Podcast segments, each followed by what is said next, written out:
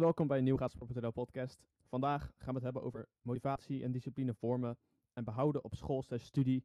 Uh, vaak is het ook, zeg maar, heb je niet echt op school, bijvoorbeeld middelbare school, heb je niet vaak een reden om het werkelijk leuk te vinden, maar het moet per se. En hoe, hoe um, hou je daar motivatie en discipline vandaan?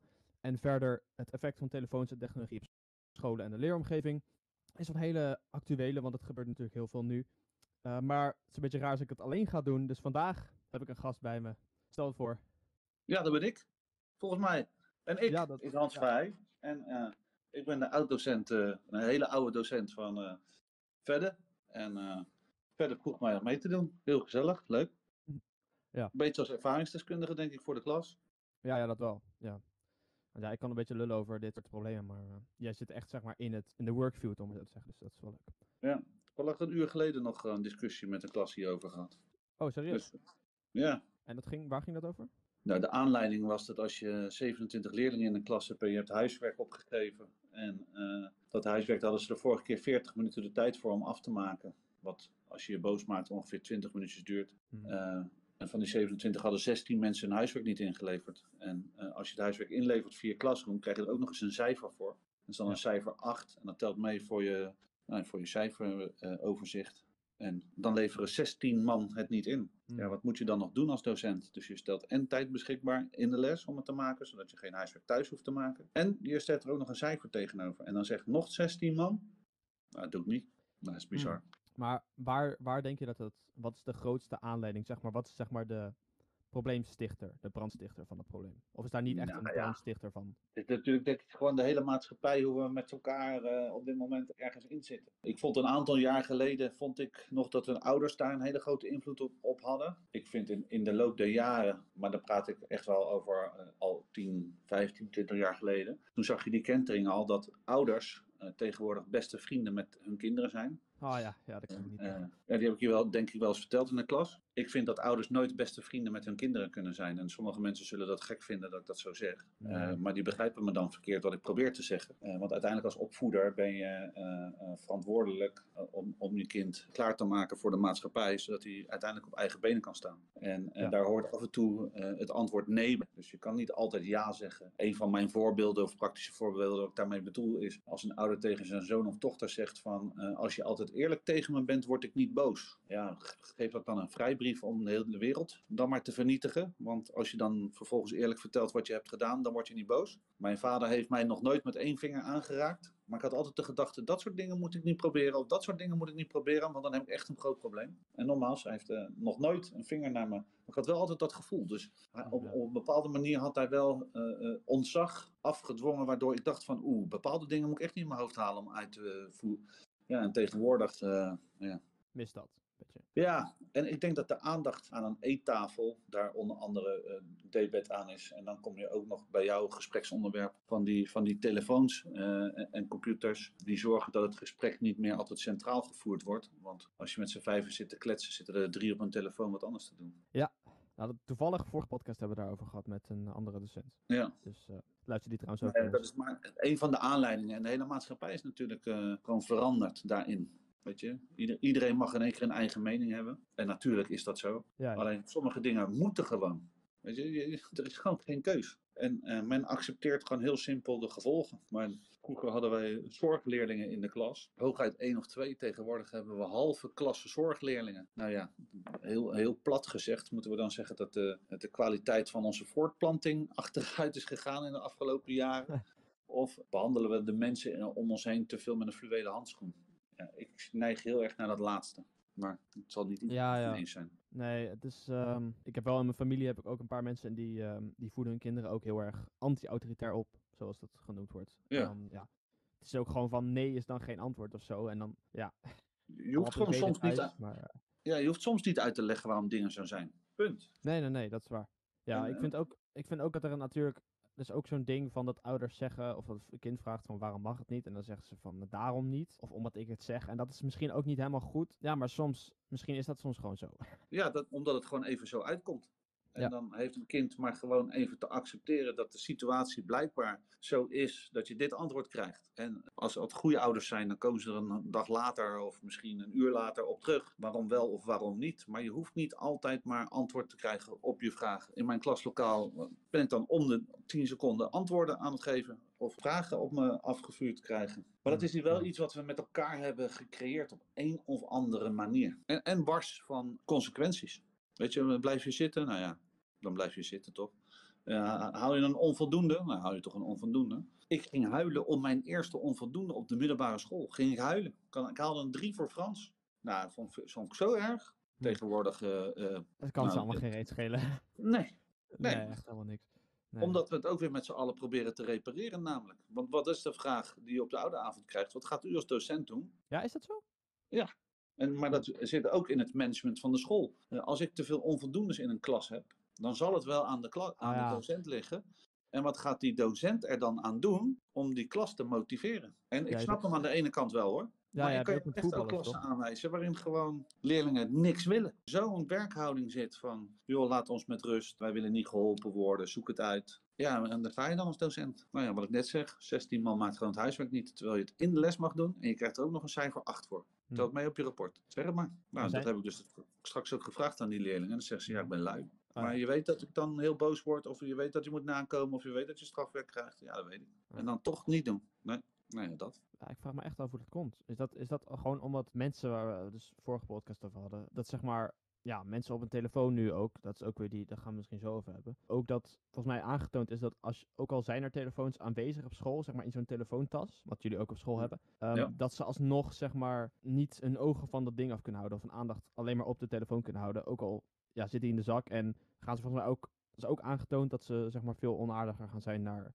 medeleerlingen. Is dat daardoor dan of zo? Of omdat ze gewoon eigenlijk niet, niet meer gewend zijn om verveling te hebben, waar we ook vorige podcast over hebben gehad, zeg maar? Nou ja, ik heb je vorige podcast helaas niet gehoord, maar Nee, nee, eh, nee, ja, kijk, snap die, die verveling, daar moet ik zelf natuurlijk ook hand in eigen boezem steken. En als ik eh, dan eh, nou, in eerste instantie naar mezelf kijk, even plat gezegd, ik ga ook niet naar het toilet zonder mijn telefoon. Als ik tegenwoordig een voetbalwedstrijd, ik ben een, vrij fanatiek voetbalmens, Mhm. mag graag naar voetbal kijken of naar wielrennen.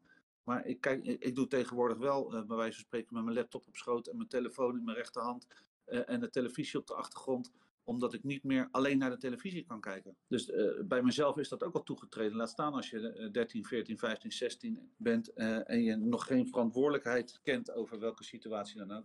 Lijkt me ook heel erg lastig om dat goed te genereren. En daarvoor ben ik, ja, ik ben voorstander van verbieden. Ik, ik zou heel erg blij zijn, want dat is namelijk de enige manier. Want op het moment dat je het ergens eh, aan de verantwoordelijkheid van mensen zelf gaat overlaten, eh, Ja, dat werkt niet. nou ja, kunnen we het gewoon. En dan hou ik het gewoon bij mezelf. Hè. Ik, bij mij zou een vergadering ook veel beter verlopen als ik zou weten dat mijn telefoon ergens anders is dan in mijn broekzak. Want Hmm. eh, dat trillingje, dat zorgt toch in mijn systeem dat ik ben afgeleid. En dat, Ja, ja, en dat ja. maakt eh, dan meteen mijn punt. Bijvoorbeeld mijn vak wiskunde, dan moet je gewoon, als je het lastig vindt, moet je sommetjes oefenen. En dan kan je soms wel eens 10, 20, 30, misschien wel 40 minuten met sommetjes bezig zijn. En dan moet je niet gestoord worden omdat je in de stof zit. Maar iedere leerling heeft tegenwoordig of zijn telefoon naast eh, eh, het werk liggen, of heeft oortjes in, of heeft weet ik veel wat. Die wordt constant 24/7 geprikkeld door alles. Van, dus hoe kan iemand zich nog echt afzonderen zonder verleiding? Ik denk het niet. En dan is Nee. eh, Het wegdoen, expres wegdoen, ja, dat, dat is veel beter. Ik heb wel zo'n voorbeeld gehoord eh, van iemand die zei van, eh, die had dat ook eh, geëxperimenteerd. Die, die begon een vergadering, maar die liet hij expres, liet eh, had die vergadering had hij, zo opgezet dat hij expres 10 minuten te laat kwam. En die vergadering zou bij wijze van spreken om half één beginnen, met mensen met allemaal telefoons bij zich. En wat gingen, al die mensen die, volgens mij waren het zes of zeven mensen die aan tafel zaten, en alle zes of zeven gingen op hun telefoon zitten wachten tot die vergadering begon. En er was ook een situatie gecreëerd waar geen telefoon was. Ik weet, niet hoe die dat had, eh, maar er er zaten mensen aan tafel die hadden geen telefoon. En die mensen gingen met elkaar praten. Ja, en die ja. mensen gingen aan elkaar vragen, hoe is het met je? Hoe is het met je vrouw? Hoe is het met je kinderen? Ja, dat, is, dat is eigenlijk toch wel de essentie, denk ik, van het hele punt. Want dan ga je in één keer met elkaar in gesprek. En in gesprek met elkaar gaan vraagt hele andere vaardigheden. Eh, je moet luisteren, je moet opletten, je moet geïnteresseerd zijn, je moet een vraag kunnen stellen. Dan in de veilige omgeving van je telefoon. Ja, ja. Mensen verliezen die vaardigheid ook, hè? Ja, Ja. gewoon sociaal zijn. En mensen die vaardigheid. Ja, dat is best wel eh, erg. Nou ja, ik weet niet of je dat nog kan herinneren, maar het is ook altijd mijn stokpaardje. T- Toen, als ik vroeger ging buitenspelen, dan moest ik eerst naar mijn vader en moeder. En dan eh, zei ik van, mag ik buiten spelen? En dan kon ik een ja of een nee krijgen. En de nee was omgaan met teleurstelling en de ja was blij. Maar dan moest ik een jas aantrekken, moest ik naar buiten. Moest ik twee straten verderop om een deurbel gaan drukken. Maar ik wist niet wie achter Ja. die deur stond om open te maken. Dus op die deurbel moest ik zelfstandig allemaal ondernemen. En dan stond daar ook een meneer, de vader van mijn vriendje, stond daar dan, of de moeder. En dan zei ik, mag Pietje buiten spelen? En die kon ook weer een ja of nee verkopen. Nou, en als het nee was, moest ik omgaan met teleurstelling. Dan kon ik afdruipen naar huis. En dan, moest ik dat, Ja, dan ja. had ik dat allemaal voor niks gedaan. Of hij zei ja en dan ging hij buiten spelen. Tegenwoordig is als ik wil buiten spelen, of als ik iets wil afspreken, dan ik een appie of een eh, Snapchat of een weet ik veel wat. En als ik niet binnen 10 seconden antwoord krijg, dan vinden we het al dat, dat hij te laat reageert. Nee. En hier, Ja, dit ja. Is een, klinkt als een heel simpel verhaaltje, maar er zitten superveel vaardigheden in het een en in het ander. Eh, en waar leren we dan nog wel die vaardigheden? Dat is, eh, Ja, die, moet, die moeten we onszelf forceren om aan te leren. doe ik nu ook heel veel. nou ja, bijna wel hè. Terwijl, eh, Ja, ja, ja. En ik wil ook niet zeggen dat, eh, dat Snapchat versturen, of dat nou zo'n slecht middel is.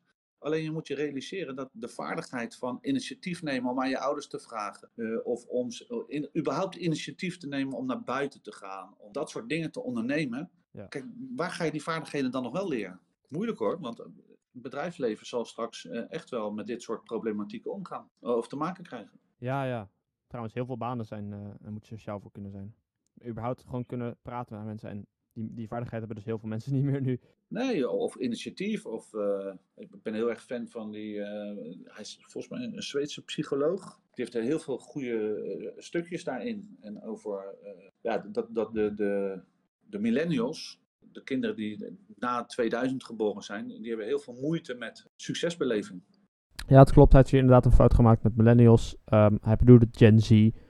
De generatie na 2000 is Gen Z en niet millennials. Maar goed, het punt blijft staan. Dan praat je over kinderen die nooit een kamer hebben op hoeven ruimen, waarbij moeder dat altijd deed. Of waar als je niet in, de, in het hoogste elftal voetbalde, maar in het tweede elftal belandde, dat jouw moeder of jouw vader dan wel naar de trainer ging om te, de, de discussies te stellen. eh, dat jij eigenlijk toch in het eerste team thuis hoorde. Oftewel, jouw ouders veegden altijd jouw straatje schoon. En vervolgens Ah. kom je in het bedrijfsleven en als je dan het bedrijfsleven komt, dan is er natuurlijk niemand die zit te wachten op jouw ouders, bij wijze van spreken. Maar diegene die gaat dan werken en na een maand, of na twee maanden, of na drie maanden, als die niet een schouderklopje krijgt of een loonsverhoging, vindt hij dat maar heel gek. Want hij doet toch zo super zijn best. Maar als je gaat werken, is je best doen gewoon heel normaal. Ja, dat zijn wel interessante vraagstukken, denk ik, uiteindelijk ook voor werkgevers. Kijk, wij hebben het hier op school over leerlingen.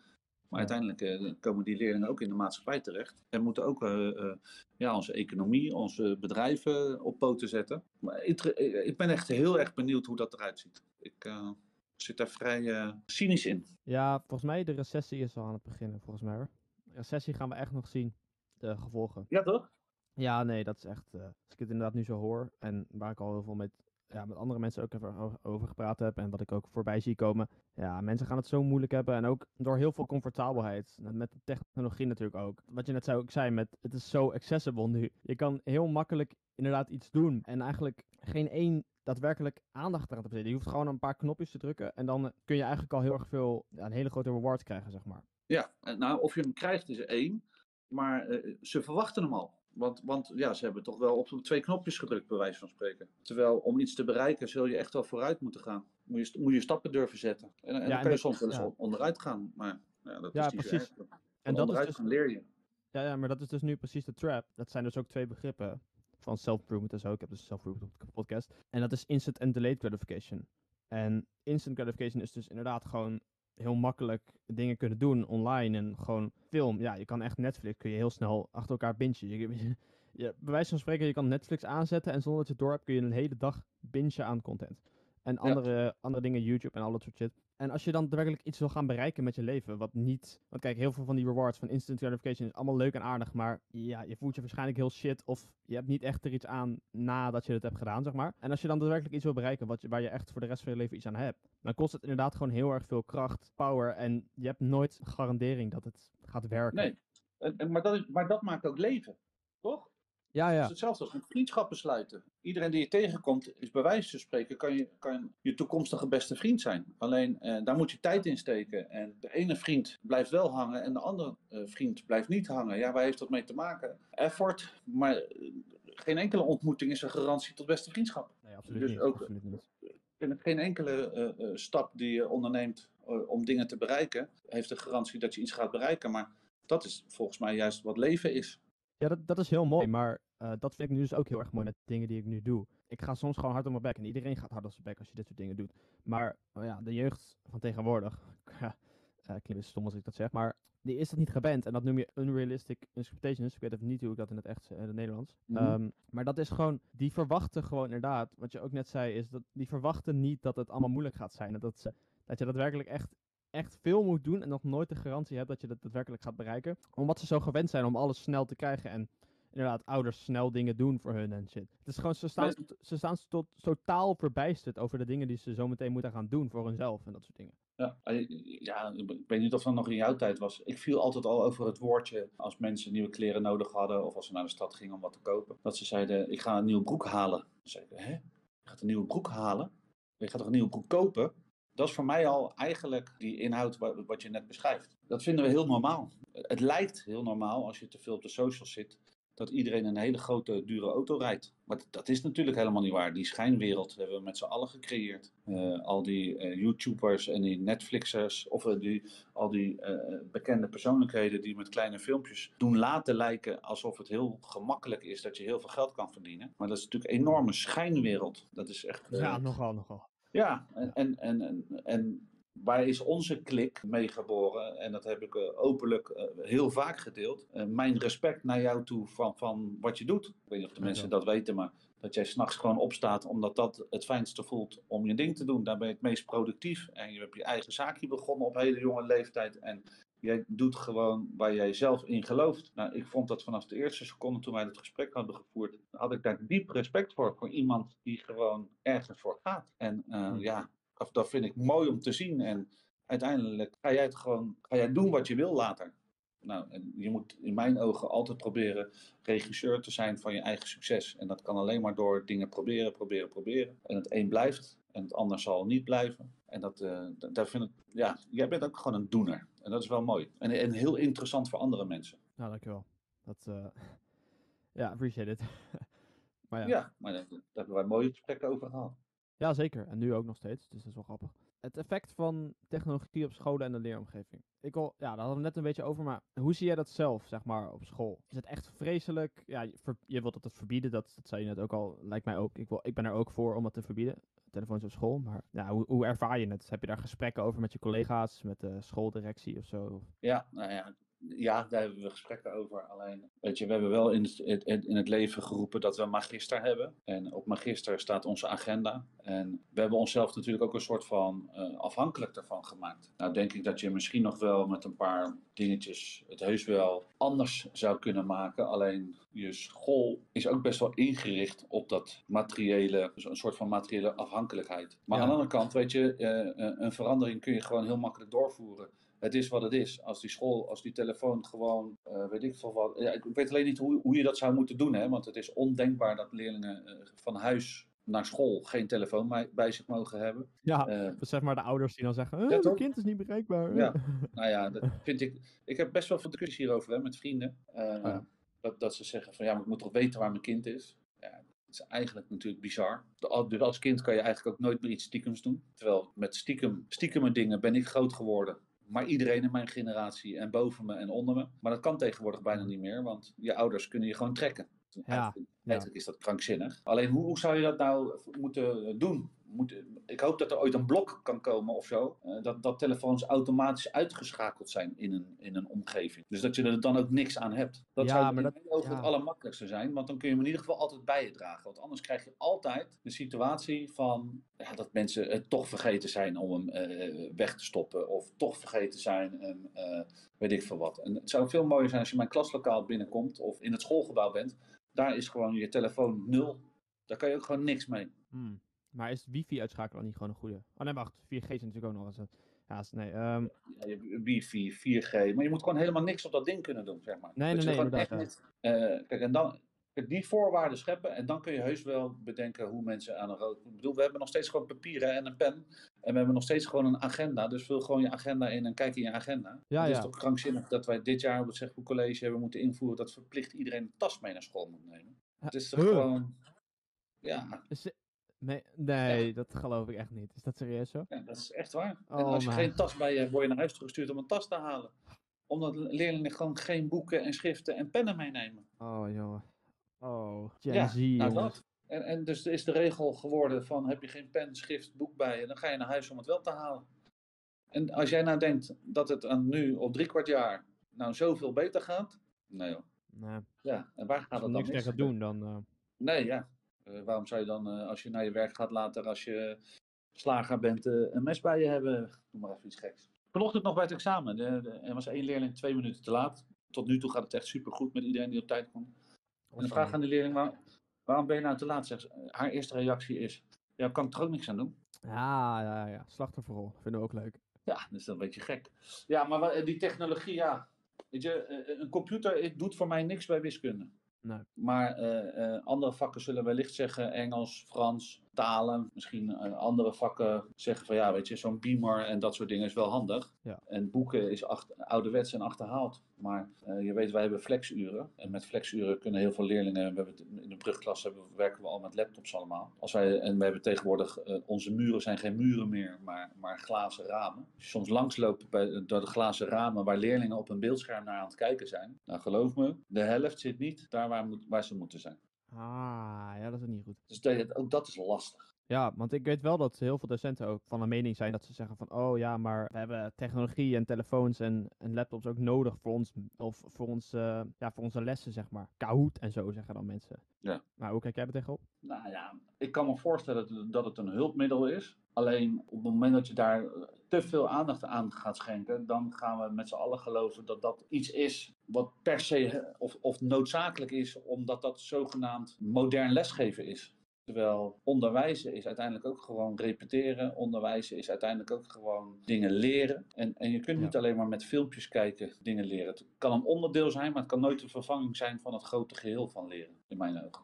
Nee, inderdaad. Maar ook omdat het natuurlijk ook weer heel makkelijk is om weer, als je een filmpje kijkt, weer naar een volgende te gaan. Tenminste, niet in de les, maar wel als je dan je kinderen, of stel je voor, je gaat dan als, als docent, ga je dan aan je leerlingen vertellen van, jongens, kijk dit, dit filmpje op YouTube of zo. Dan kunnen ze gelijk weer doorgaan eh, scrollen. Ja, en YouTube heeft op zich nog van wel mee met het algoritme, maar TikTok bijvoorbeeld. Ja, Ja, ik, ik vind wel heel erg, ja, ik vind TikTok wel heel erg leuk, maar eh, jammer om te horen. hè? dat is jammer om te horen. Ik heb echt een heel groot hekel aan TikTok. Nou, eh, ik wilde zeggen van waar ik alleen met de laatste tijd aan erger, misschien kom ik dan in een straatje, is dat, eh, nou ja, soms komen er dingen op je tijdlijn waarvan je denkt van, hè, hoe, komt die daar? Ja. Maar voordat je het weet, dat je langer dan vijf seconden hebt gekeken, heb je de rest van de week daar ook last van. Dus de content die daar eh, wordt tentoongespreid, daar heb ik wel steeds meer de laatste tijd twijfels over van, shit. Wat ik wel fijn vind, en dan kom je dus weer bij die concentratiecurve, is dat je heel makkelijk door kan. En eh, wat je interesseert, eh, dat kijk je wat langer. Maar vervolgens heb je daar een week last van. Want dan krijg je eh, telkens dezelfde content daarover. En wat je niet leuk vindt, hup, is meteen door naar het volgende filmpje. En alles is snel. Ja, ja. Maar is het dan, bedoel je dan, een, zeg maar, de, dat je dan, dat je zei van, dat je er nog een week last van hebt, dat je dan, dat het is van, yo, je hebt zeg maar iets gekeken, gekeken waar je dan aandacht aan hebt, of wat je leuk vindt, en dan denkt het algoritme, oh, we gaan jullie, we gaan jullie nu een week. Ja, we gaan nu gewoon een week spammen met wat je dacht. eh, Wat, wat zij dachten van, ah, hij heeft langer gekeken dan 10 seconden. Ah, dus ja, dan, oké. eh, hup, krijg je, nou ja, als ik eh, naar een, nou ja, noem eens wat, naar vissen heb zitten kijken. Dan is mijn tijdlijn meteen vol met vissen. Ah. En soms is het niet altijd wat ik langer dan 10 seconden kijk per se dat ik dat leuk vind. Dus zij bepalen wel heel erg wat jij ziet. En dat, dat is wel angstig. Nou, dat is zeker waar. Maar ja, het is ook alweer logisch dat ze dat doen natuurlijk, maar het is wel angstig, inderdaad. Ja, dus ja, nee, die algoritmes die zijn er uiteindelijk denk ik wel met een bepaalde reden voor gemaakt. Ja, absoluut. En ik denk ook, eh, ze zijn niet allemaal slecht hoor, maar eh, Nee. ze Nee. kunnen wel inderdaad eh, slecht gebruikt worden. Wat, wat, Maar is, jouw, wat is jouw ding dan daartegen? Tegen TikTok? Ja? Ja, het is allemaal gewoon heel snel. En ja, al die muziek die ik dan hoor, al verschillende van, oh, ik vind het niet leuk. Dan, en dan ga, ik naar de volgende. Het, zeg maar, wat het doet, is in essentie, is ook bewezen, het, het met iemands, iemands aandachtsvermogen.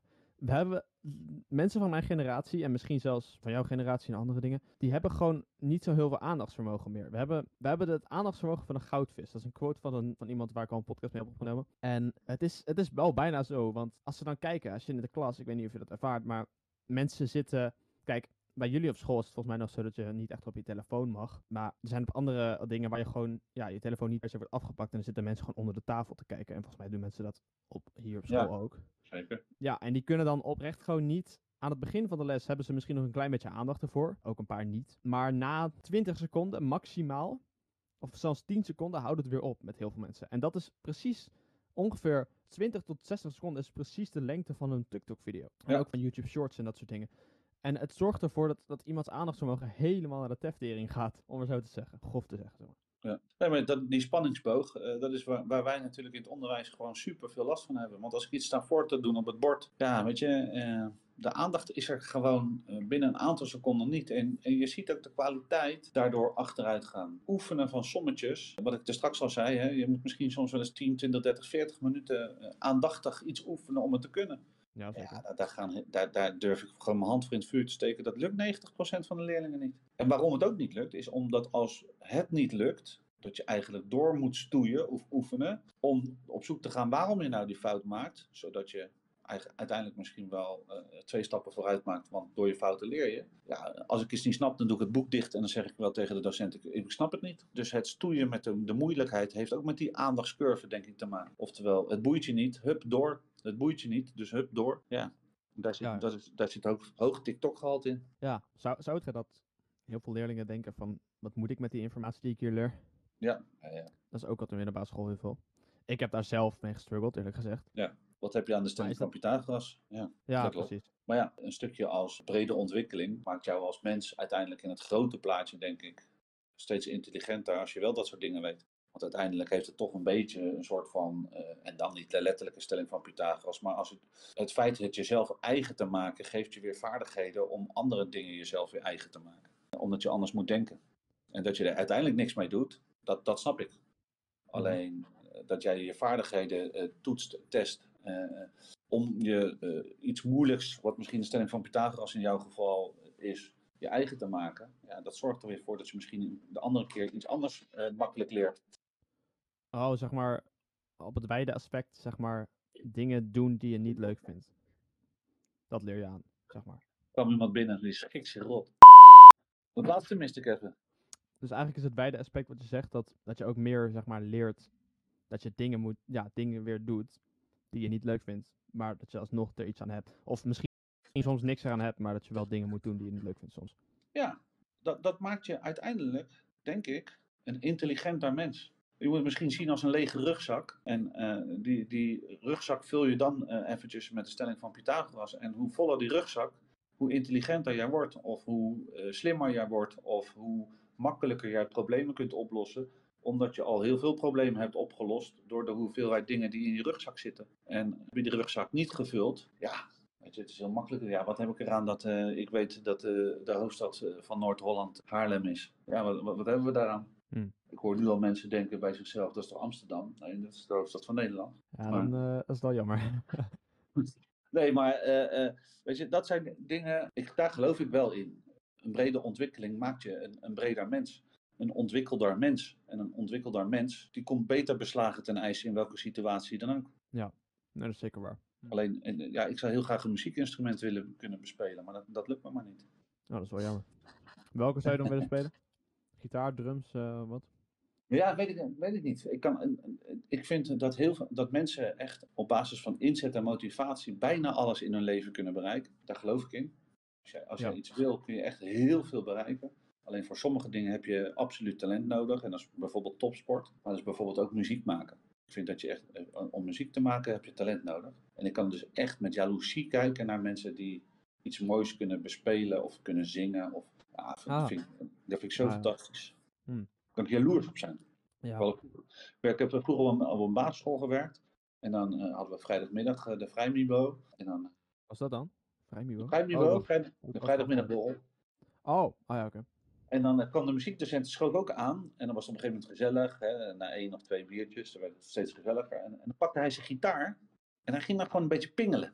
Maar dan gewoon liedjes die gewoon na twee, twee keer op zijn gitaar gestreken te hebben, wist je al welk liedje er ging komen. Nou, en dat, dat geeft zo'n sfeer. En als je dat kan, nou, dat vind ik fantastisch. vind ik zo fantastisch. Ja, dat is ook wel. Maar we dwalen af. Nogal. maar eh, maakt niet uit. Dat gebeurt heel vaak. Zoals ik al zei. Nu even praktiserend, hè. Wat zouden, zeg maar, leerlingen kunnen doen tegen, of ja, gewoon om, om zeg maar, ja, motivatie vind ik altijd zo'n zo'n lulverhaal. Vaak. Dat is niet voor de long term. Maar ja, hoe, hoe, hoe reclaimen, zeg maar, heel veel van de leerlingen nu om, zeg maar, daadwerkelijk gewoon te slagen en daadwerkelijk niet te blijven zitten en dat soort shit. En niet, zeg maar, het zitten van, oh, ik heb mijn huiswerk niet gemaakt. Ah, gevolgen boeien me niet zoveel, zo. Is dat, een, is dat een leuk antwoord? Is het een saai antwoord? Ik snap niet zo goed wat je, wat je, wat je vraag is. zeg maar, heel veel mensen, van leerlingen die nu op school zitten, bijvoorbeeld, middelbare dus ook, ja, die hebben niet echt drive of een reden waarom ze daar zitten. Ja. En die hebben niet echt een reden om wat te doen of zo, of een, hoe zeg ik dat? Maar die moeten wel slagen, bijvoorbeeld. En die, Ja, ja, Ze, mo- ze moeten naar school, maar de, ja, het is dat het moet. ja, maar hoe zorgen ze ervoor dat ze toch weer discipline of motivatie opbouwen om het tenminste te doen? Is dat een leuk antwoord? Is dat, ja, is daar, kun je daar iets tegen doen? Of is het gewoon keihard zeggen van, je moet het gewoon doen? Nou ja, ja, ja ik vind dat moeilijk. Eh, Ik, ik ben misschien wel iets meer van de ouderwetse stempel. Maar ik moet dan bijvoorbeeld wel weer heel erg lachen eh, als ik filmpjes zie van Joel Beukers. Die gewoon, eh, ja, dat, ja, dat vind ik dan wel wat hebben. Van dat je niet moet zeiken en gewoon eh, eh, moet doen. Daar ben ik ook van. Ja. Ja, ik, ik denk dat we echt zijn doorgeslagen in onze maatschappij. Dat als iemand een scheet dwars zit, dat we dan een instituut gaan opbouwen voor mensen bij wie een scheet dwars zit. Want dat blijkt toch ook wel een enorm ernstige aandoening te zijn. Ja, En die nou wil ik ja. Ja. Ja, weet je, hoe kan het zo zijn dat we. Dat, ja, dan ga ik me echt wel misschien mensen eh, tegen de borst stuiten. Maakt me niet uit, Dat- dat, dat heel vaak hier, dus... eh, 30 jaar geleden eh, bestond ADHD niet. mhm. Nu hebben we wel ADHD en moeten we 26 protocollen volgen voor iemand eh, die wat drukker is dan een ander. En, en laat voorop staan, degene die het echt hebben, eh, is echt heel vervelend, hè, overigens. Ja. Want eh, na onderzoek is dat natuurlijk gebleken dat dat gewoon een. Maar er zit ook echt een heel, heel groot grijs gebied tussen. En eh, vroeger was je gewoon druk en kreeg je een draai om je oren. En tegenwoordig wordt er heel snel al geroepen: ja, misschien heeft hij wel dit of misschien heeft hij wel dat. Ah, de, ja, de, Ja. de zachtheid van onze samenleving, die zogenaamd zo hard is. Nee, je- niet meer, niet meer. Hier in het Westen totaal niet. Nee, toch? Vrouwelijk als wat. Ja, echt zo vrouwelijk als wat. Weer wat mannelijkheid nodig. Mannelijkheid wordt echt helemaal gewoon gebashed tegenwoordig. Ja, zeker. Zeker. Oh jee. eh, de discussies van de afgelopen eh, jaren, eh, natuurlijk al sowieso. We zijn natuurlijk be- begonnen met de grote Zwarte Piet discussie, eh, terecht of onterecht. Nou, als je Ja. ziet hoe mensen daar over elkaar heen rollen, dat is echt te bizar voor woorden met welke argumentaties voor en tegenstanders komen. En laat ik maar eventjes in, in het midden blijven, terwijl ik hoop dat nooit iemand gediscrimineerd is, wordt of ben er absoluut op tegen. Maar ik heb gekeken naar de voorstanders en de tegenstanders en als je ziet eh, hoe soms discussies gevoerd worden, ja, het gaat gewoon helemaal nergens over. Maar als je ook kijkt naar, naar wat er met de voice is gebeurd en dergelijke. Mensen zijn tegenwoordig al heel snel veroordeeld. Dat vind ik echt eh, dramatisch. Ik neem, Ja, hetzelfde. Ja. ik neem het voor niemand op die eh, foute handelingen doet hoor. Maar sommige mensen zijn. nou ja, je hoeft maar één ding te roepen tegenwoordig en ja, je programma wordt gecanceld. De cancelcultuur Ja, vanuit voorzichtigheid is wel echt eh, enorm groot. Ja, staat nergens op. Ik zit in een podcast. En toen kwam er weer iemand binnen. En dit keer was het een van de correctors van de school. Dus eh, dat was wel grappig. Shout-out naar meneer Leel trouwens. Dus eh, ja, daar, daar, ja, daar vind ik wel heel veel van. En het grappige is, mijn vrouw is dezelfde mening toegedaan, zonder dat ik daar haar, in geïndoctrineerd. Dus soms denk ik gelukkig, het is niet alleen maar mijn mannelijke hormonen die daar soms anders naar kijken. Maar nee, moeilijk. Maar ook dat is weer zo'n maatschappelijk ding. Ook daar moeten we weer met z'n allen super voorzichtig zijn. Want we denken dat we anders heel snel mensen beledigen. Of, maar wat, o- soms kan het ook best, weet je, en dat mag over mij ook hoor, over kale mensen. Weet je, eh, soms mag ik toch ook wel eens beledigd zijn. Dat kan toch gewoon. Ja, dat, ik slaat nergens op. Mensen worden heel erg, wat ik dus heb gezien, waar ik laatst achter kwam, is mensen zijn offended. Dat is nu heel erg aangevallen inderdaad. Wat trouwens, dat, ik, heb daar een, ik had een com- comedian gehoord en die zei van dat is een voorrecht uit, eh, uit de westerse wereld. Want in India of in, in Afghanistan, als je dan zegt dat je aangevallen voelt, dan is je kop eraf, letterlijk. Ehm, ja, nee, werkelijk toch? Ja. Eh, maar wat het ding is dus met aangevallen zijn. Ga lekker naar, naar, naar Wonderland als je- als je niet aangevallen wil zijn. Echt, Ja, we want wie moeten stoppen met die overgevoeligheid. Ja, wie, wie bepaalt dat ook, hè, wanneer je aangevallen bent? Dat is toch echt de interpretatie van degene die zich aangevallen voelt. Ja, Terwijl- ja, en dat, dat kun je ook niet echt iets, iets opleggen of zo. Daar kun je niks, dat kun je niet aanduiden met Nee, iets van maatschappij eh, of eh, ja, iets van wetenschap. Daar kun je helemaal niks mee doen. Nee. En, en ja, heel plat, daar word je een grote jongen van of een grote meid van. Ja, omgaan, aan, omgaan met teleurstellingen. De cursus rietdekken gaat niet door. Ken je die? Ehm, nee, nee, dat kan ik niet. Ja. Riet is ziek. eh, geen idee nog steeds wat het is. Rietdekken. Laat maar. Oh, van. nou, nu wil ik het weten ook. Nu wil ik het eigenlijk wel weten. Nee, de cursus rietdekken. Weet je, eh, dieren laat je elkaar dekken en dan komen kindjes uit. De cursus rietdekken. Riet is een vrouwennaam. Oh. Ah, ja. De cursus rietdekken gaat niet door. Riet is ziek. Huh. Ja, laat maar. Nu is die echt wel helemaal niet meer leuk. Ik denk ook dat die, ehm, dat die ideologie van. Ja, ik bedoel, feminisme ten eerste zwaar doorgeslagen. Heel veel mensen vinden het nu ook. Heel veel vrouwen vinden het nu ook. En ja, al die cultuur zorgt ervoor dat het gewoon cancelcultuur komt en zo. Maar ik denk ook dat het deels komt omdat het zo makkelijk is om wat nu allemaal te zeggen. Ja. Ik weet nog dat Mike Tyson, volgens mij was hij op Joe Rogan podcast of zo. Die is een hele grote podcaster in Amerika. Eh, ik weet niet of je die kent. Maar Mike Tyson had een keer gezegd, ik weet niet of hij dat echt in die podcast zei, maar hij, hij heeft een keer gezegd, social media made it way too comfortable to not get in the punch in the face for saying what you, what you yeah, believe in. Dus zeg maar, vroeger werd je nog al je bek geslagen als je echt iemand disrespecte. Ja. En nu kun je dat allemaal gewoon makkelijk zeggen door, ja, omdat je gewoon lekker in je huis zit op je telefoon. Daarom Ja. ga ik altijd echt keihard lachen als ik nu bij vrienden ben of zo. En die zeggen dan, eh, of dan zijn we met een paar andere gasten en die zeggen dan van, oh ja, die en die hebben ruzie. Die hebben zo'n ruzie. En dan denk ik van, ga janken in je, in je groepchat. Ga lekker boos een beetje appen. Maar Ja. vroeger gingen jullie naar buiten en gingen jullie elkaar slaan en zo. En echt een gevecht, gewoon echt een brawl. En nu is het van, eh, ik, ik ga lekker appen. Ik ben boos op jou. Ik ga nu een paar boze apps en een boze emoties. Waar slaat het op? Ja. Het is echt, het is zo raar. Ja, ik heb, ik heb altijd gezegd, want dat wilde ik ook, om, om die invloed van die telefoon, de gevolgen ervan voor open te staan. Want ik was een beetje anti de generatie boven mij, die zeiden van, ah ja, dit, dat. Want een van de voordelen vind ik wel dat heel veel dingen ook eh, wel gezegd worden tegen elkaar. eh, via app of Snapchat of weet ik veel wat. Alleen de keerzijde is dat inderdaad eh, ruzies, meningen heel makkelijk ook gedeeld worden. Terwijl je vraagt niet altijd om iemand zijn mening. En waarom denkt ook altijd maar iedereen zijn mening te moeten geven? Ik denk dat het laatste voorbeeld van, de, van die mensen van het Songfestival, ja, dat waren gewoon twee eh, bijna amateurs eh, die, die naar het Songfestival werden gestuurd. En heel Nederland valt daarover. Die, die mensen hebben nooit een eerlijke kans gehad. Los van of ze goed of slecht waren hoor. Maar dat we daar dan met z'n allen eigenlijk op Twitter gebruiken om die mensen gewoon te pesten. Dat is eigenlijk gewoon grote mensen pesten. En dat is dan een beetje wat er gebeurt. En weet je, eh, kijk naar de, de- naar de Twitter-profielen. Ik zou er dus ook echt groot voorstander van zijn. Dat je alleen maar met je echte eigen account eh, in het Ja. gezicht erop zou kunnen. Dat zou heel veel discussies veel eh, eh, eerlijker maken dan een aangenomen persoonlijkheid die helemaal mis- misschien niet bestaat. Nee, maar dat is dus het hele ding. Je kan dus cancel, volgens mij Twitter is volgens mij ook eh uitgeroepen als platform van cancel culture. Volgens mij Elon zit er nu wel op, dus dat is wel grappig. Hij heeft een paar hele controversiële dingen gedaan. ik weet niet of je het gehoord hebt, kan ik zo uitleggen. Maar wat was nou? Ja, vond- Twitter is daar echt. Wat is? Sorry. Nee, ik vind Twitter een heel leuk medium. Want daar kan je. Ja, Kijk, dat is, dat is TikTok eh, 1.0. Daar kun je gewoon wel je content redelijk beschermen van wat ik wil zien. En, eh, en kort en bondig. mhm. En alleen het is veel meer lezen. Terwijl TikTok is natuurlijk allemaal video, maar dat, dat is echt, wordt echt wel bepaald wat jij ziet. Soms heb ik ook, en dat gebeurt gelukkig bij Twitter veel minder. Oh ja. Ja, ja, inderdaad, want dan kun je dat volgen. Wie, eh, dan kun je mensen volgen natuurlijk. Ja. Maar Twitter is inderdaad ook een voorbeeld van. eh, mensen willen heel graag heel snel praten ze shit, maar dan inderdaad onder zo'n persoonlijkheid. En ik denk van ja. ja, niemand weet wie je bent, dus je kan, je kan het lekker anoniem doen, zeg maar. En, Ja. Lekker makkelijk. Lekker makkelijk, inderdaad. En vroeger werd je dus verantwoording te dragen. Nee, precies. En dat is daarom zo makkelijk geworden. En daarom gaat die, ja, je mannelijkheid gaat ook een beetje omlaag, zeg maar. Vroeger had je nog een beetje trots om te zeggen van, ik ben het hier niet mee eens. En ja, soms Ja. dan ging je dan gewoon vechten met elkaar. Oké, fair enough. Slaat soms ook nergens op, maar af en toe was het gewoon goed. Maar ja, nu is het van, ja, eh, ik ben er niet mee eens. Waarom ben je het niet mee eens? Oh, dat weet ik niet. Of, of ze stoppen gewoon met reageren, kan ook natuurlijk, hè. Op eh, internet is Ja. alles heel makkelijk. En daar, en daar hebben we het nog niet over politieke partijen gehad. Hm, nee, Die ook maar van alles kunnen roepen. Oh ja, dat is ook nog zo.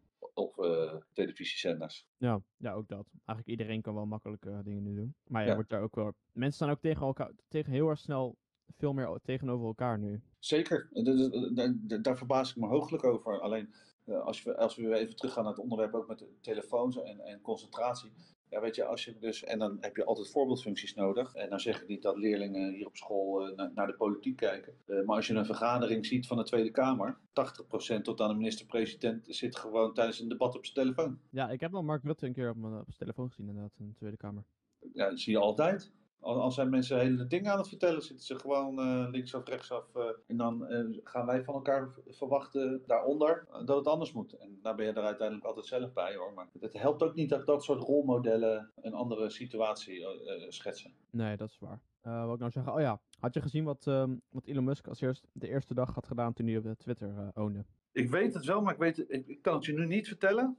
Ja, ik maar ging, ik weet. ja, ik ging helemaal, helemaal stuk. Ik vond het zo geweldig. Maar ja, heel veel mensen voelen zich daar offended bij natuurlijk. Onrecht uit de, is, eh, is uit de ja, fir- first world country, zeg maar. Wat hij heeft gedaan is dus, vroeger kon je dus in Twitter allemaal, als je geslacht aan kon je zeggen man, vrouw, ik weet het niet, of dit, of dit, of dit. Toen heeft hij, heeft hij iets gedaan waar alleen op man of vrouw kon klikken. En als je op anders klikte, dan werd je doorgestuurd naar een, ehm, een mental health kliniek. Ja. Maar dit, dit wist ik niet. Maar ik vind hem wel heel grappig. Ja, ik ook. Maar mensen, mensen gingen daar helemaal door het lint door. En dan denk ik van, je hebt geen humor meer ook. Comedians mogen ook niks meer zeggen tegenwoordig. Nee, maar dan cancelen we meteen. Ja, exact. Het staat helemaal nergens op. Maar volgens mij zon- zonder eh, een beetje elkaar uit de tent lokken is er ook geen comedie meer. Hoe bedoel je dat? Nou, als het een beetje, zonder een beetje grof, eh, hoef ik niet meer te lachen. Ik ga, Ja, vanavond, ik hem ik, ga bijvoorbeeld vanavond naar Tom Kas. Ken je die? Ehm, Ga ik even snel opzoeken. Wacht. Heel grappig. Althans, ik vind dat heel grappig. En wat voor dingen maakt hij dan? Precies. Eh, Stand-up comedy, maar best wel eh, schuin. Laten we het daarop houden. Hm, Oké. Daar zou je heel snel offended kunnen zijn. Ja, maar die mensen moeten toch ook niet naar de shows gaan, even serieus. Nee, maar, maar ja, hetzelfde, eh, ja, klopt. Maar hoe gaan we de boel aan de gang krijgen? Want ik wil niet alleen maar dat het. wat, wat is jouw ervaring met de mensen die je eerder in podcast hebt gesproken over hoe zien we dat dan met de toekomst? Want uiteindelijk kunnen we wel constateren, maar het is misschien wel veel interessanter hoe we het op kunnen buigen. Ja, dat is waar. Nou, de vorige podcast was over technologie. Ja, toen hebben we erover gehad dat, zeg maar, dat je niet echt zeg maar, maatregelen moet nemen. Je kan maatregelen nemen voor je, hoe zeg ik dat, voor je devices. Dat je bijvoorbeeld gewoon een paar apps verwijdert, app-limieten doet, wat ik dus allemaal heb. En zwart-wit heb ik ook, om beide beelden. Maar dat het zeg maar allemaal voor de korte termijn is. En dat voor de lange termijn moet je meer diep in jezelf gaan kijken van, ik heb een, ja, chronisch aandachttekort. Of chronisch ehm aandachtspan, zeg maar, tekort. Hm. En dat soort dingen. Ja, dus ik denk dat ook voor de lange termijn dit wel, dat je op de lange termijn moet kijken, zeg maar. Want ik denk dat dat sowieso wel belangrijk is. Want als je naar de korte termijn kijkt, inderdaad, als leerlingen op dit moment naar de korte termijn kijken, dan denken ze, ik heb geen zin om het huiswerk te maken, ik heb geen zin om dit te doen, dat te doen. Maar als je dan naar de lange termijn kijkt, voor mensen die in het tweede zitten, en die op MAVO zitten, die beseffen, oh, over twee jaar moet ik eindexamen doen. Hoe de hel ga ik dat halen als ik nu helemaal niks doe? Is misschien een goeie Zeker. ja, op lange termijn kijken is wel het belangrijkste, denk ik. Maar ja, het lijkt me ook wel goed om inderdaad de device shutdown te doen op een op scholengrond, zeg maar. Maar je krijgt er ook al heel veel gezeik mee van, van ja, dat mag toch niet, want je hebt een soort van, ja, wat is het? Gaat de strijd met de grondwet of zo, toch? Ik weet, ik weet niet of, je, of, je, of jouw device per se grondwettelijk beschermd kan zijn. Omdat je zogenaamd altijd bereikbaar zou moeten zijn. Je bent altijd bereikbaar. Ouders kunnen gewoon naar de administratie bellen als ze je nodig hebben. Ja, dat is waar. Weet je, dat, dat argument eh, vervalt toch binnen één seconde. Al die ouders die zeggen, ja, mijn kind moet altijd bereikbaar zijn. Ja, hoezo? Hij zit hier op school. Als hij niet op school is, geven we een belletje naar huis toe van waar is uw zoon of dochter? Iedere dag weer. Ja, weet je, maar waarom? Uw kind is altijd bereikbaar als er wat ernstigs is. Nou, bel naar de school en eh, de, de, de mevrouw van de administratie eh, heeft zo het lokaal gebeld en de leerling is binnen een paar seconden. Nou ja, geen probleem. Dus ik, ja, ik zou niet zo snel weten waarom. Ja, ik zou zeggen omdat het eh, met locatie, zeg maar, naar de, naar de school gaan. Maar daarmee zeg je dat het gewoon nog legaal moet zijn om een telefoon te gebruiken. En dat is pas op de locatie van school pas, zeg maar, shutdown krijgt of zo. Ja. Want, want dan is het wel een goede, ja. Dan moeten we daar echt serieus wel iets mee doen. Maar eh, hoe zit, met laptops ook gewoon, zeg maar. Of eh, hoe zit het dan? Bedoel je op laptops werken? Ja, net, gewoon alleen op telefoons of gewoon echt elk device dat je daar gebruikt moet gewoon shutdown.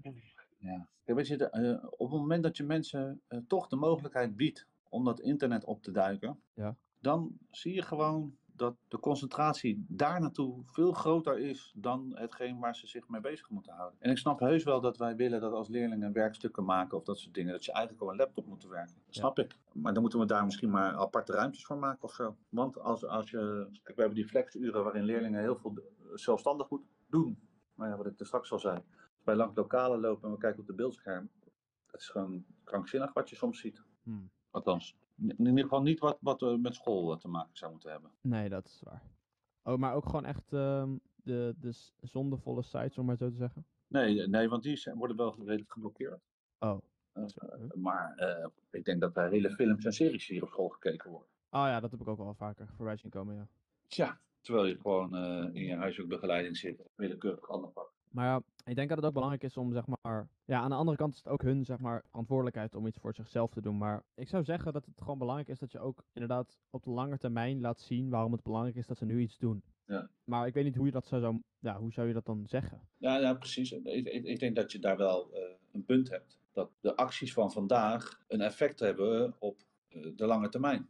Ja. En dat de acties van vandaag er heus wel toe doen. Dat zij zelf heel vaak in een modus zitten van, ja, weet je, ik heb vandaag geen zin. Of waarom is het zo belangrijk? Of ik zit toch in de tweede, ik moet pas over twee jaar examen doen. Dus terwijl, dan kom ik weer met dat rugzakje. Die rugzak volstoppen, dat begint al heel vroeg. En als je niet Ja. gewend bent om dat rugzakje vol te stoppen, dan wordt het steeds lastiger om überhaupt die rugzak te vinden. Ah, En dan krijg je een soort van letar- lethargische houding. En ja, maar dat is een hele interessante vraag hoe je dat, om de leerlingen eigenaar te zijn van hun eigen ja, succes. ja, En dan zullen zij. moeilijk, ja. Ja, en, en, en, dan is alweer de, de, de vraag misschien, of het vertrekpunt, wat is dan succes? Ja, dat is ook een hele goede vraag. Dat stel ik mezelf ook heel vaak. Of tenminste, Ja. dan, eh, want heel veel mensen willen, van onze generatie, van mijn generatie, willen succesvol zijn. Maar wat de f- betekent dat om werk te zijn? Ja. Heel veel mensen weten niet wat, wat- dat betekent. Wat is dat? Dat is echt wel, want dat is namelijk voor iedereen anders. Ja, ja, precies. Overigens denk ik wel dat als je dat aan eh 12, 13, 14, 15, 16 jaar. Je kent het verhaal misschien nog wel van mij. Dat, ik denk als je, ik heb het op een diploma-uitreiking toen gevraagd. En van de eerste 13 leerlingen zeiden de 12 wat wil je laten worden. En zeiden ze allemaal rijk. Ja, precies. Ja, dat, dat is toch ook eh, wel heel erg verdrietig. Ja, maar dat, dat is dus ook, ook van de vorige podcast, waar ik dus met die andere docent over heb gehad, is inderdaad wat hij zei, is dus dat mensen denken dat nu, van mijn generatie, denken nu, oh, je kan echt zo makkelijk rijk worden, omdat ze overal in een virtuele wereld zitten en denken van, oh, het is zo makkelijk om te doen, dus ik wil het worden en ja, maar het is, het is, ze doen er nooit iets mee of zo. Heel veel mensen doen er nooit iets mee. Nee. Maar die willen dat wel natuurlijk, maar Klopt. dat is dus een van die praktische voorbeelden van dat, dat de unrealistic expectations, zeg maar. En de- ja, Ja. ik vind het wel jammer, want ik bedoel, er zijn zoveel leuke dingen. Je kan ook gewoon zeggen, als je muzikant zegt of zo, en je gaat, jij bent al aan het oefenen, een instrument. Maar ja, mensen nemen het niet praktiserend. Dat vind ik zo Nee, jammer. ja, zeker. Ze lullen hun hele nek uit over wat ze willen doen. Vervolgens kijk je naar hun acties en denk je, jij gaat helemaal niks, gaat, jij gaat helemaal niks bereiken. nee, en dan, ja, dan krijg je weer boze ouders op je rug of op je nek.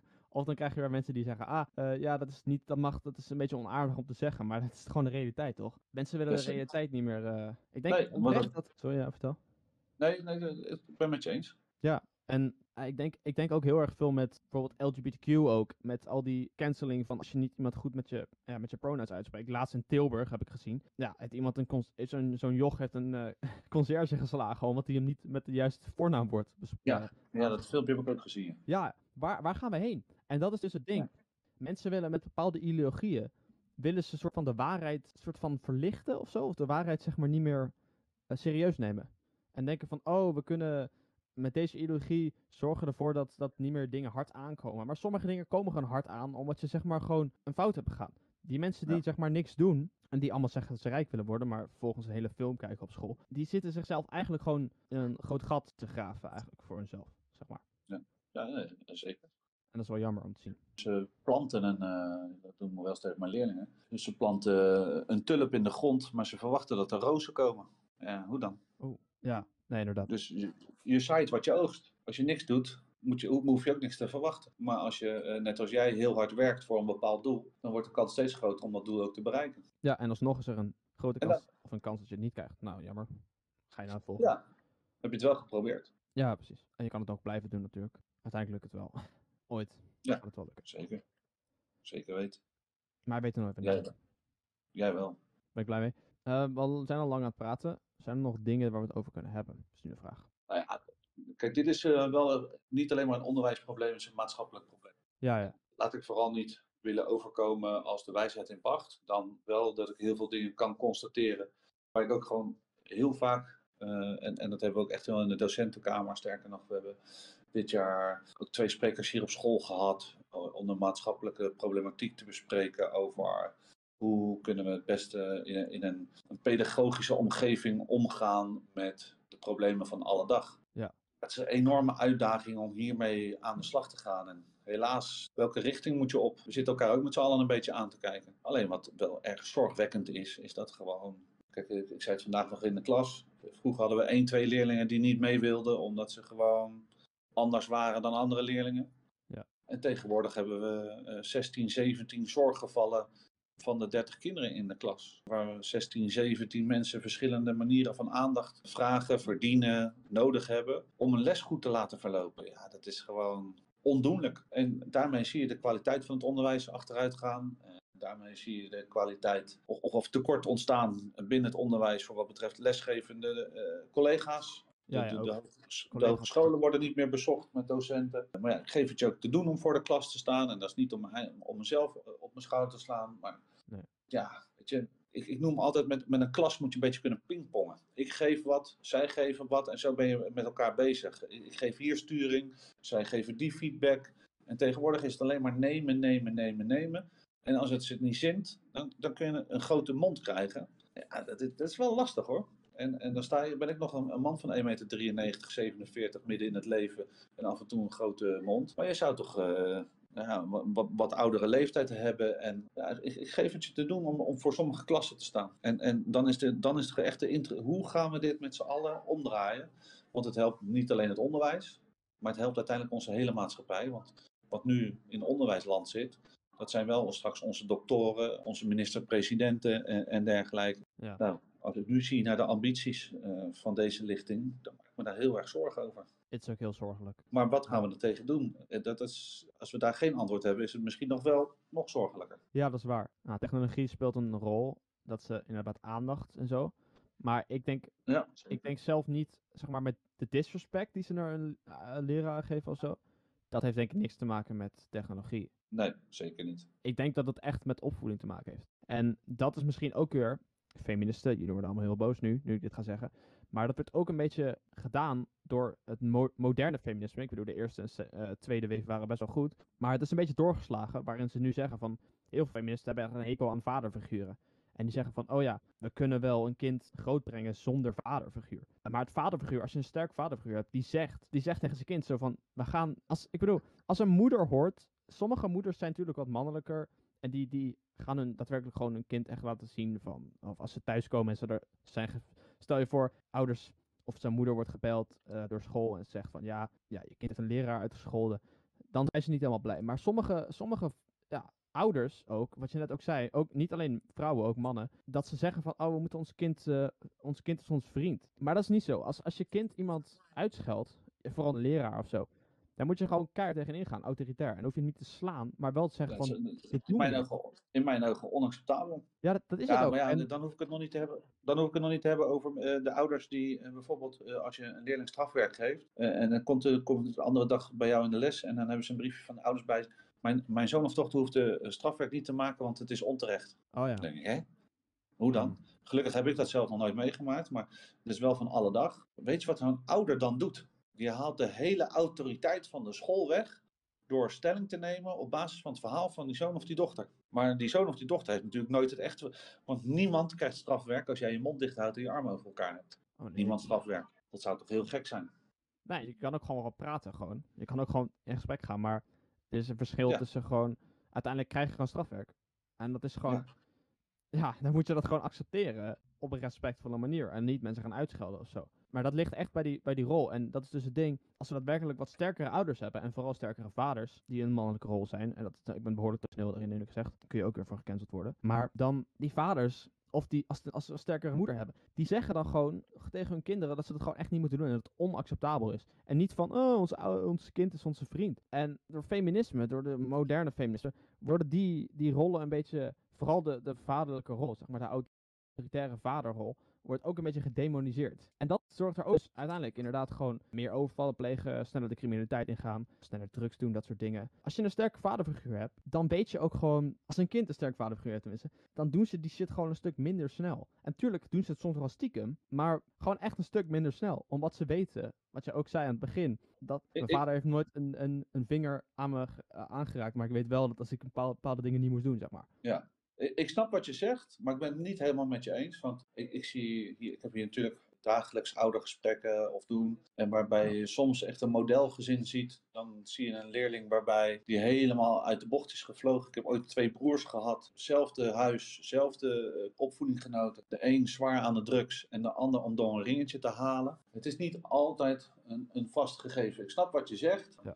Alleen het is iets te kort door de bocht, denk ik, eh, hoe je hem stelt. Is mijn, is mijn ervaring. Maar dat maakt misschien eh, je stelling wel wat duidelijker. En ik denk uiteindelijk dat het er ook niet zo heel veel zijn. Het, het zit hem veel dieper in de maatschappij zoals we hem nu beleven, denk ik. En wat bedoel je daar precies mee dan? Ja, gewoon hoe we, hoe we eh, met z'n allen tegen dingen aankijken. Weet je, als wij naar Spanje gaan, dan zijn we allemaal bang voor de Guardia Civil. En dat, vind- dat vinden we allemaal heel erg eh, eh, logisch. En eh, je haalt het niet in je hoofd om in Spanje, bij wijze van spreken, eh, wat uit te halen. Terwijl als we hier in Nederland met de wapenstok krijgen, dan zitten we dezelfde avond nog bij Jinek aan tafel. eh, Mhm. Om te vertellen dat het oneerlijk was omdat iemand met een wapenstok heeft gekregen. En dan blijkt uiteindelijk dat hij 40 keer is gewaarschuwd om een, om een bepaalde eh, straat te verlaten. Eh, en dat was 40 keer gevraagd en de 41ste keer heeft hij met een wapenstok gehad. Ja, dat wordt dan niet verteld. Nee, ja. Weet je, we- zijn heel erg. We roepen heel makkelijk dat we het slecht hebben. Ja, dat is een, Nederland is een van de beste landen van de wereld. Hè. ja nee. eh, Laten we dat niet vergeten. Met, met name dat. Ja. Dus ja, in Nederland hebben we het zo geregeld dat als jij met je fiets struikelt omdat er een, een steen verkeerd lag, dan kun je de gemeente aanklagen dat die steen verkeerd lag. De gemeente kan er ook niet zeggen, die weet niet of alle stenen recht liggen. Maar heeft wel de verantwoordelijkheid dat er goede fietspaden zijn, dat snap ik dan ook wel weer. Ja. Maar dat hoef je in geen enkel ander land te proberen hoor. En nou zeg ik ook niet dat het eh, zo fantastisch is, maar we hebben wel echt wel heel veel dingen goed geregeld. Ja, precies. Alleen, mensen- eh, we zijn ook da- daarin heel erg verwend, denk ik. Ja, dat, dat brengt dan ook weer iets op, zeg maar. Als je te veel verwend bent, inderdaad. Ja, Dan, ben je, dan denk je dat het de nieuwe normaal is, zeg maar, de nieuwe standaard. Dat lijkt me dan wel. Vooral kinderen die opgroeien daarin. moeilijk. Maar, ja, Ja. maar mijn vader zei altijd liever verwend dan verwaarloosd. Maar Ja, er zit ook wel wat in, zeg. Ja. Verwaarloosheid is ook... Ik denk dat je een middle, middle ground moet vinden daartussen, zeg maar. zeker, zeker, zeker. Maar het, ja, het is gewoon moeilijk. Ik denk dat je hier uren over kan praten zonder dat je uiteindelijk op een antwoord uitkomt. Eh, Ja. Uiteindelijk denk ik wel dat verandering altijd bij jezelf zit. En wanneer gaan we. En dan hadden we, we hadden we eigenlijk nog het bruggetje moeten slaan naar de voetbal. Maar ik denk dat de tijd ook wel eventjes eh, nu gaat meespelen. Ja, ja. eh, als we kijken naar de voetballerij, wat er op het voetbalveld gebeurt. En hoe, hoe, hoe voetballers zich daar gedragen. eh, en of hoe mensen zich in een stadion denken te moeten gedragen. Het is gewoon krankzinnig. En wanneer stoppen we daar nou eens mee met z'n allen? Ja, echt, eh, ik, ik vind dat echt heel, heel, heel erg bijzonder. ja is Want wat doet, die, wat doet die man met die waterzak bij de voetbal in het veld? Die doet water op iemand zijn benen en dan gaan we weer doorvoetballen. Dat is bij geen enkele andere sport zo, hè? Nee, Dus iemand heeft pijn in zijn enkel, dan komt de man het veld in rennen. En dan doet hij water erop en dan gaat hij weer doorvoetballen. Ik, ik ben voetballer in hart en nieren, hè, maar dat dingetje heb ik nooit begrepen.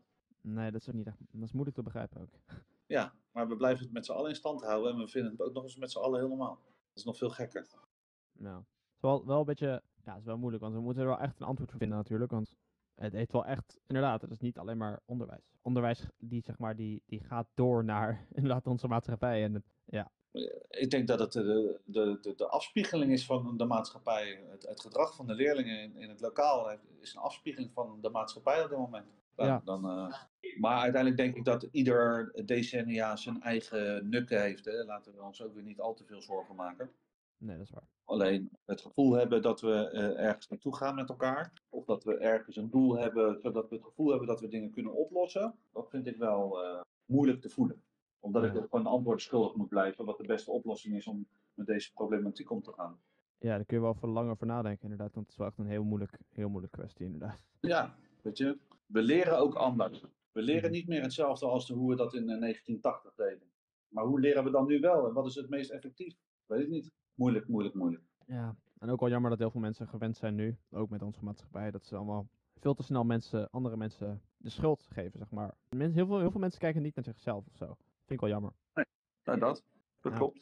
Ik wilde eh, drieënhalf jaar geleden stoppen met roken. Ja, ik heb de sigaretten uitgegooid en ik heb geen een meer aangeraakt. Oh, wauw. Dat wist ik niet eens. Ja. Goed bezig. Gewoon cold turkey. Ja, vind ik ook wel jammer. Dat is misschien nog het laatste wat ik ga zeggen. Nog, eh, misschien daarna nog jij nog iets bij te zeggen. Maar je hebt ook van die eh, culturen. Ja, we leven een soort van in een cultuur nu in westerse wit, zeg maar. Natuurlijk niet iedereen. Ik vooral niet, bijvoorbeeld. Maar het is wel bepaald, zeg maar, zo dat ook, ik denk ook door cancelcultuur, dat je zeg maar niet eh, mensen mag eh, aanvallen op dit moment. Is dat als iemand gewoon heel ongezond dik is, zeg maar. Ja. Dat ze dan eh, vragen van, oh ben ik dik of zo. En dan, heel veel mensen durven dan niet meer te zeggen, oh ik ben dik. Heel, of ja, je bent dik en je bent ongezond en je moet er iets aan doen. Terwijl, wat gewoon de waarheid is.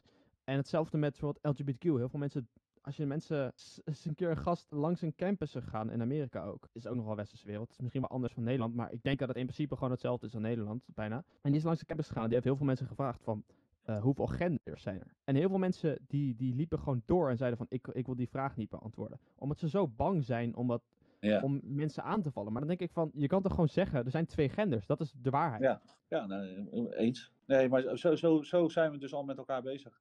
Dat we elkaars wil opleggen. Ja. Want eh, de waarheid is dat er in principe. Maar we vinden, of we, eh, men zou willen, dat we. Ik heb respect voor iedereen en alles. En echt, eh, doe vooral wat je niet laten kan. Alleen, ja, volgens mij is ook onomstotelijk bewezen dat dat inderdaad zo is. Ja. Dat er twee genders zijn. Ja, ik kan niet weten hoe het anders zou zijn. Ik ook niet. Nou, wil jij Ja. nog iets inbrengen? Nee, eigenlijk niet. Ik ga zo het examen sluiten. Oh joh, oh, is er examen? Oh ja, tuurlijk, ja.